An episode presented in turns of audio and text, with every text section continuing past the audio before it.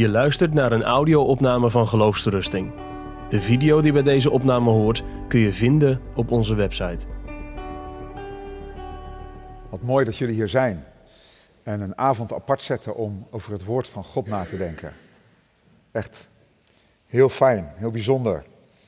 Ehm, want het is door het woord, door het evangelie, dat God eh, zichzelf aan ons wil openbaren. Ik zou bijna zeggen, genoeg gezegd over die jongens. Nu moeten we onze camera, onze lens richten op wie is die vader? Dat is het beeld van God. Wie is God? En dat is denk ik het belangrijkste wat ik vanavond zeg. Ik heb met mijn eerste lezing eigenlijk een religieus mens willen schetsen. Of een christen die last heeft van religieuze trekjes. Uh, en ik heb ook aangetoond dat dat heel diep kan zitten. Je ziet het bij die oudste zoon. Uh, en ik heb je laten zien dat dat in vandaag de dag, ook in onze tijd, juist als je in de kerk bent opgegroeid, zo heel diep kan zitten, dat verdienmodel. Maar wat moet je nu doen als je jezelf daarin herkent? Iemand zei ooit, dat was dezelfde Tim Keller, dat vind ik heel mooi, hij zegt, je moet jezelf gaan zien als een jongste zoon. En daarom wil ik jullie aan de hand van dat verhaal van de jongste zoon laten zien wie de vader is. Want wat gebeurt er? Die jongste zoon, misschien herken jij je daar veel meer in. Ik heb een tijd gehad, um, daar mag je straks ook vragen over stellen. Ik heb een tijd gehad dat ik veel als een jongste zoon leefde. Zeker in mijn tienertijd. Dat ik alles deed wat mijn God en mijn ouders verboden hadden. En daarna had ik een tijd dat ik leefde als een oudste zoon, als een hele nette kerkjongen die het probeerde te verdienen. Maar misschien herken jij je wel meer in die jongste zoon, dat je zegt, ik heb niet zoveel met dat, met dat verdienen en dat pleasen van God. Ik ben gewoon de wijde wereld ingetrokken en ik heb lekker voor mezelf geleefd. Maar ik ben erachter gekomen dat dat het ook niet is. Nou, dan kan het verhaal van de jongste zoon je enorm helpen. Trouwens, ze lijken best veel op elkaar hoor, die beide jongens. Wat heeft die jongste zoon gedaan? Je kent het verhaal, hij is weggegaan. Hij heeft het geld doorgebracht van zijn vader. En hij heeft het leven, zei ik net, het leven genoten als een lolly. Eruit halen wat erin zit. Zeg maar leven als een prins en genieten van alles wat het leven je biedt. Maar die jongen is bij het stokje gekomen. En het stokje is altijd vies hè, bij een lolly. Zo'n papieren stokje. Dan denk je, de lol is er eigenlijk wel een eindje af, weg ermee. Nou, dat is bij deze jongen. En hij gaat uiteindelijk werken, hij komt bij de varkens terecht en hij zit daar. Ik lees jullie voor wat daar gebeurt. Lucas 15, vers 17, lees met me mee.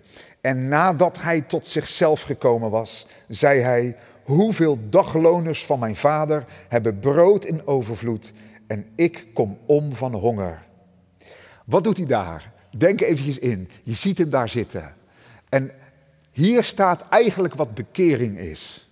Bekering kan je heel ingewikkeld maken, maar bekering is anders gaan denken. In het Grieks metanoia, dat betekent opnieuw gaan denken. Je hebt altijd zo naar je situatie gekeken, maar plotseling zie je het ineens zo. Deze jongen, hij, hij zit daar bij die varkens en hij kijkt, zie je het voor je? En hij denkt, die beesten hebben het beter dan ik. En dan ineens gaan zijn gedachten terug. En hij zegt, die knechten bij mijn vader, die hebben overvloed. En ik hier, ik sterf van de honger. Wat gebeurt daar? Let op. Hij krijgt weer goede gedachten van zijn vader. Hij denkt, mijn vader die zorgt voor zijn knechten. Mijn vader die geeft brood in overvloed. Weet je waar bekering begint? Romeinen 2, vers 4 zegt: Het is de goede tierenheid van God die ons tot bekering leidt. De wet op zich leidt je niet tot bekering. De wet veroordeelt je. De wet is als een hamer die op ijs slaat. Maar als de zon van Gods genade gaat schijnen.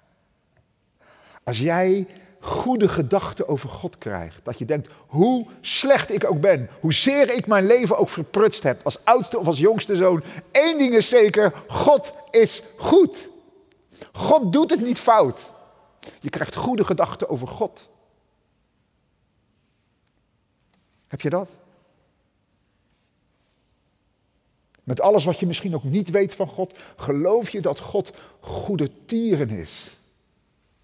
Een van de eigenschappen die de Bijbel het meest noemt. Gods goede tierenheid. Hij tiert in goedheid. God vindt er vreugde in om goed te zijn voor slechte mensen. Dan kom je ook bij zijn genade en zijn barmhartigheid. En die jongen die denkt daaraan.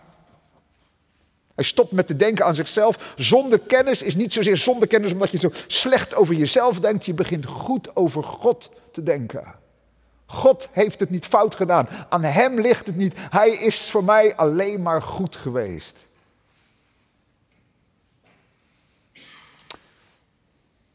Toen ik vroeger de bloemetjes buiten zette op zaterdagavond en zondagnacht, ging ik terug naar huis. En ik vond dat het heel moeilijk om thuis te komen. Weet je waarom? Ik had ouders die op mij wachten. En die ouders waren goed voor mij, die zijn goed voor mij. En ik vond het altijd moeilijk om als zoon over de drempel te gaan. En ik wilde dan niet de blik van mijn vader of mijn moeder zien. Weet je waarom? Ik dacht, zij zijn voor mij alleen maar goed.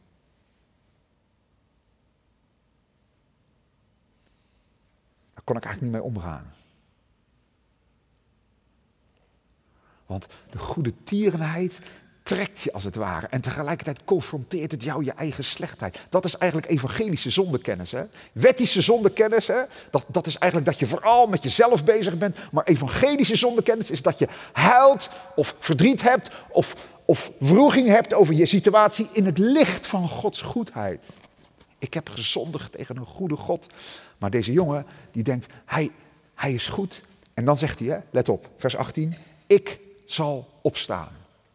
Bekering is dat je een wilsbesluit maakt. Doordat je goed over God denkt en je eigen slechtheid ziet, denk je, ik zal opstaan. Deze jongen gaat.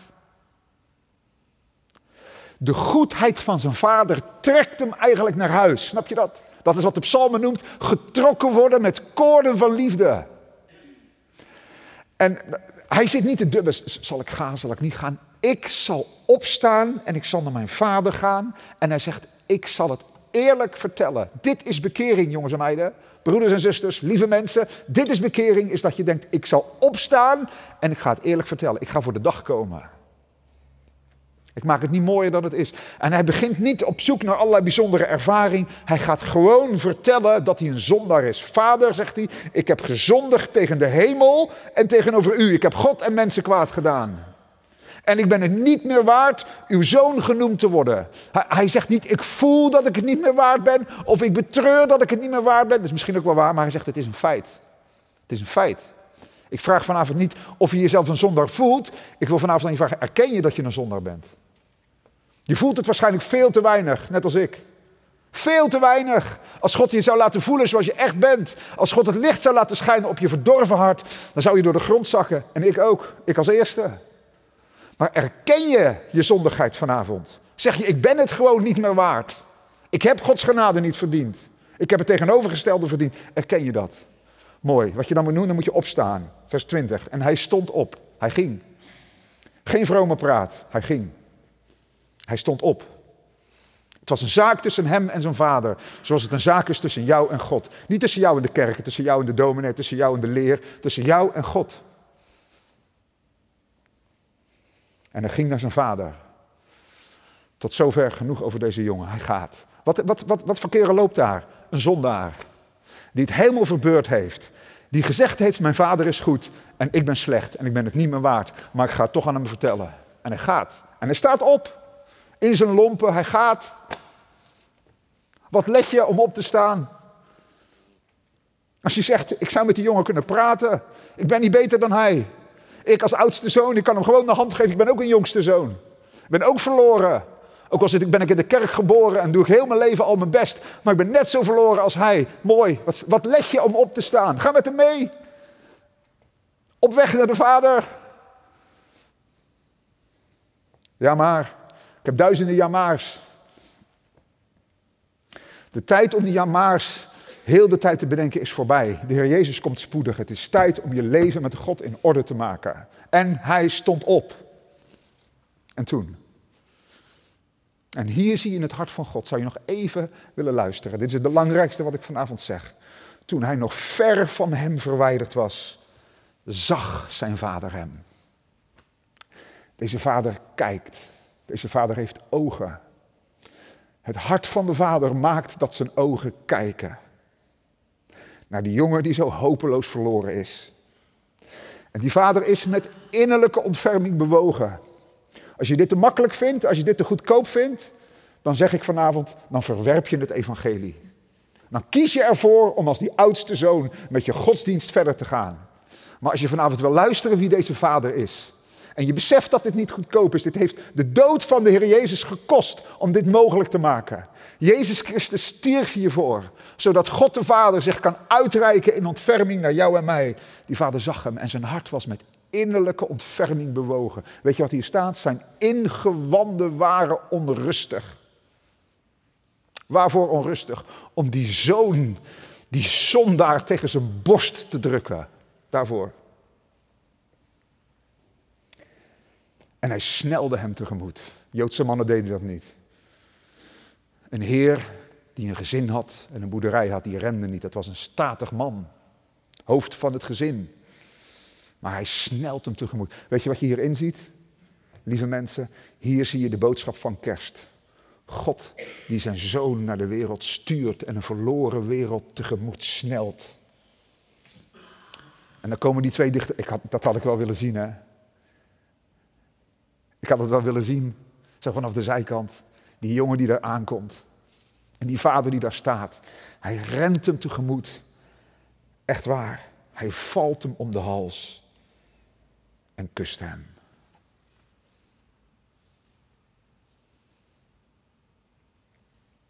Volgens Deuteronomium 28 had deze vader gestenigd moeten worden. Als je namelijk omgaat met een opstandige zoon, en de zonde verdoezelt, zo kan het lijken, zo kan het lijken, dan moet de zoon en de vader gestenigd worden.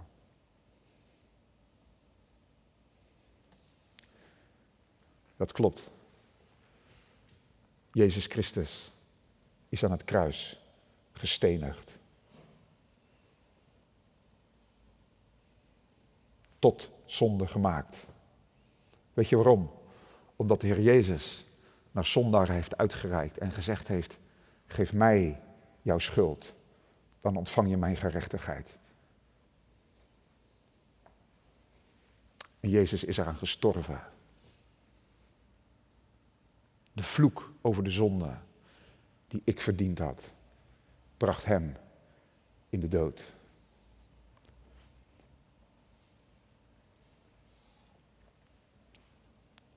Valt hem om de hals en kust hem.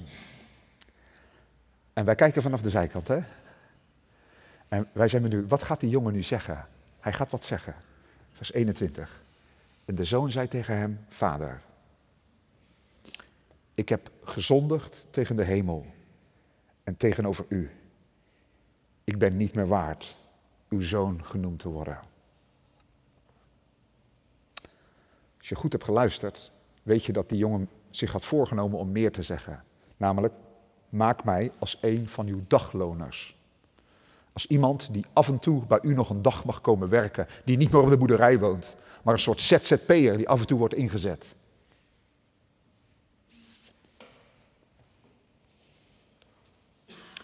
Maar de vader zei: Haal het beste gewaad en trek het hem aan Geef hem een ring aan zijn hand en sandalen aan zijn voeten. En breng het gemeste kalf en slacht het. En laten we eten en vrolijk zijn. Hij is eindelijk thuis.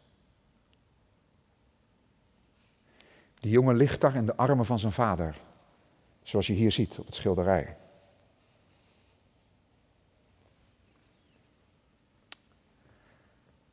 Hij begint te praten. Je ziet hem als het ware in die omhelzing, zie je dat hij zegt, vader, ik heb gezondigd. Ik wil mijn zonde beleiden. En dat is iets goeds, dat moet je ook echt doen. Maar die vader neemt het woord en hij zegt, ja wat zegt hij eigenlijk? Hij zegt niet zoveel. Hij zegt, hij, hij doet iets.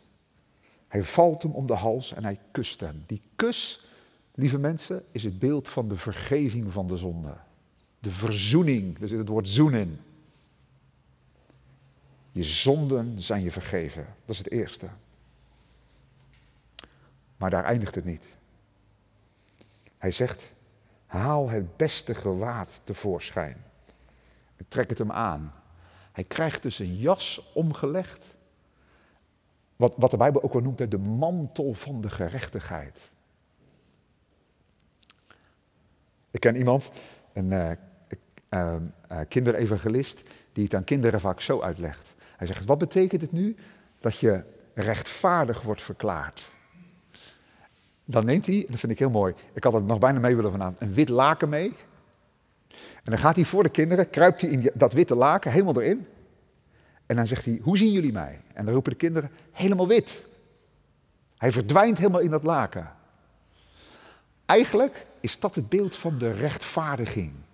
Is dat God de zondaar die de dood verdient vanwege het offer van Christus vrijspreekt. Rechtvaardig, dat betekent God verklaart je rechterlijk vrij. Hij ziet in jou geen overtreding meer. Als God naar je kijkt, dit, dit is te mooi om waar te zijn, maar het is waar.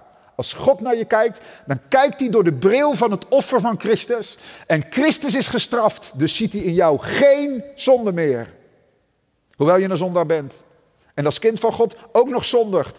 Maar God zegt, in Christus vrijgesproken, rechtvaardig verklaard. De mantel van de gerechtigheid. Daardoor kun je niet vandaag rechtvaardig zijn en morgen niet meer. Nee, de rechtvaardiging is voor eens en altijd.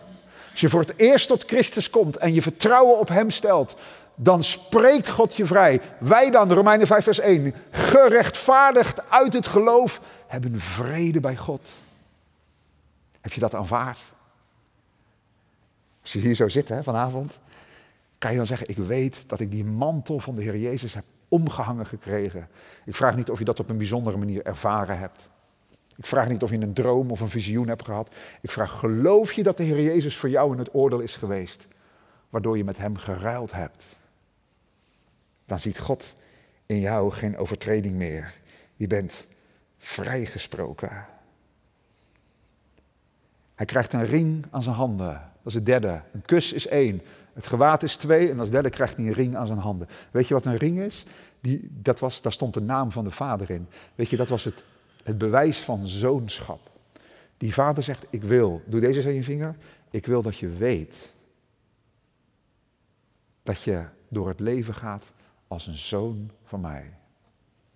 Weet je wat Johannes 1 vers 12 zegt? Allen die hem aangenomen hebben, hun heeft hij macht gegeven. Dat betekent de bevoegdheid gegeven om kinderen van God genoemd te worden. Je bent niet meer een slaaf, je bent een kind. Je bent weer op het erf. En ik ben je vader. En jij leeft met mij als een zoon.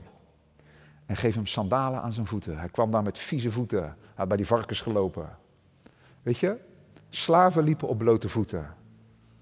Maar zonen hadden sandalen aan. Die sandalen zijn eigenlijk misschien wel een beeld van een soort nieuwe levenswandel.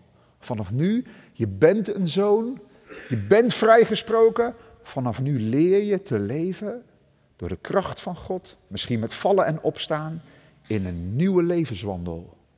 Met nieuwe sandalen. En het vijfde cadeau is dit. Of is het vierde? Ik weet even niet meer. Ehm, de kus, het gewaad, de ring, de sandalen, vier. En het vijfde is het gemeste kalf. Dat betekent, ze gaan de boerderij in. En ze gaan daar met elkaar gemeenschap hebben. Hij komt in het gezin van de vader en zit, zoals Mephibozet bij David aan tafel zat, zit deze zoon bij zijn vader aan tafel. Een gelovige, een kind van God, mag gemeenschap met God hebben. Mag dagelijks genieten van de omgang met God. Mag leven met God de Vader. En hij zegt, laten we eten en vrolijk zijn. God wil zijn vrolijkheid over het feit dat een zondaar eindelijk thuis is met ons delen. Vanaf nu zie je dat er blijdschap is. En zij begonnen vrolijk te zijn, want deze, mijn zoon, was dood en is weer levend geworden. Wat eerder een gevangenis was, de boerderij, is nu zijn thuis. Waar zijn vader eerder de baas was, is het nu zijn vader. Waar het werk eerder een verplichting was, is het nu meewerken in het koninkrijk van de Vader. Waar het feest eerder voor hem een verplicht nummer was, is het nu een blijdschap omdat hij gered is. Waar hij eerder de erfenis opeiste. Vader, geef mij een deel dat me toekomt. Ontvangt hij nu de erfenis en leeft hij van genade.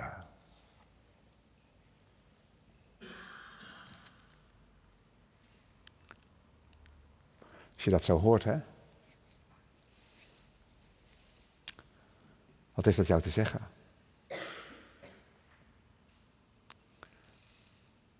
Kan de Heere God over jou vrolijk zijn met de woorden van de gelijkenis, omdat je eindelijk thuisgekomen bent? Ben je gestopt met werken? Ben je gestopt met mijmeren bij de varkens? En ben je naar huis gegaan en ben je thuisgekomen? Kan je zoals je hier op je stoel zit zeggen, ik vertrouw erop dat het werk van de Heer Jezus ook voor mij genoeg is. Niet vanwege mij, vanwege Hem. Of vind je het te goedkoop? En zeg je, zo makkelijk gaat dat niet. Dan zou ik je willen vragen, wat zou je dan willen toevoegen aan het offer van Christus? Wat zou je eraan willen toevoegen? Waar is het een beetje onvolmaakt, vind je?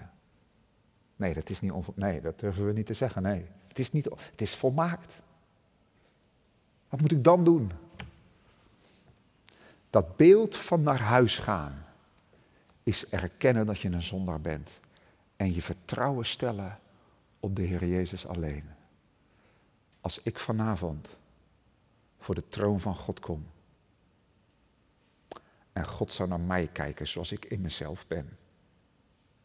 Ook nu, in mijn huidige leven, terwijl ik voorganger ben en allerlei dingen voor God doe, als God naar mij zou kijken, was het gewoon radicaal verloren. Maar ik roep maar één ding. Ik beroep me niet op mijn goede leven. Ik beroep me niet op mijn bekering. Ik beroep me niet op mijn ervaring met God. Ik beroep me niet op mijn dienst aan God. Ik beroep me niet op mijn preken. Ik beroep me slechts op het offer van de Heer Jezus. Heere God, ik kom tot u omdat er aan uw rechterhand de zoon zit. De oudste zoon. De enige geborene die God gegeven heeft. Ik beroep me op hem. En weet je wat de Bijbel zegt? Allen die door hem, door Jezus, tot God gaan, die zal hij ook volkomen zalig maken. Als het niet zo is, dan is God een leugenaar. En God kan niet liegen. Dit is het geloof. Dit is het vertrouwen. Is dat je zegt, ik hoop op zijn belofte. Hij kan niet liegen. Ik houd die belofte vast. Dat Christus gestorven is voor zondaren, ook voor mij. En daar vertrouw ik op. Dan zeg ik, dat is de veiligste plek ter wereld. Daarmee kun je vanavond tegen een boom rijden.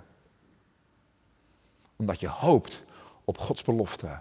En dan ben je thuis gekomen. Thuis. Bij de Vader. En mag je leren leven aan de hand van God de Vader. Nee, niet als een volmaakte, niet als iemand die het allemaal heeft, maar wel als iemand die vertrouwt dat Christus het volbracht heeft. Ik roem niet meer in eigen kracht, in gaven, in wat wijsheid is. Ik roem alleen nog in de Heer, zijn dood en zijn verrijzenis. Maak je dat een beetje mee? Dan ben je thuisgekomen. En ben je uitgenodigd om op de boerderij in het huis van de Vader met God te leven. Het is ongelooflijk, maar waar. Je bent thuisgekomen. Amazing grace. That saved a wretch like me. Meer moet je er ook niet van maken. I was blind, but now I see. Ik zie dat het door Jezus is verdiend. En daarom, door Jezus, mag ik komen bij de Vader. Het niet goedkoop. De Zoon van God is ervoor gestorven. Maar wel met de bedoeling dat je zou komen. En als je dat nog nooit gedaan hebt, dan moet je het vanavond doen. Kom naar huis. Amen. Je luistert naar een podcast van Geloofsterusting. Wil je meer luisteren, lezen of bekijken? Steun dan ons werk en ga naar de website geloofsterusting.nl.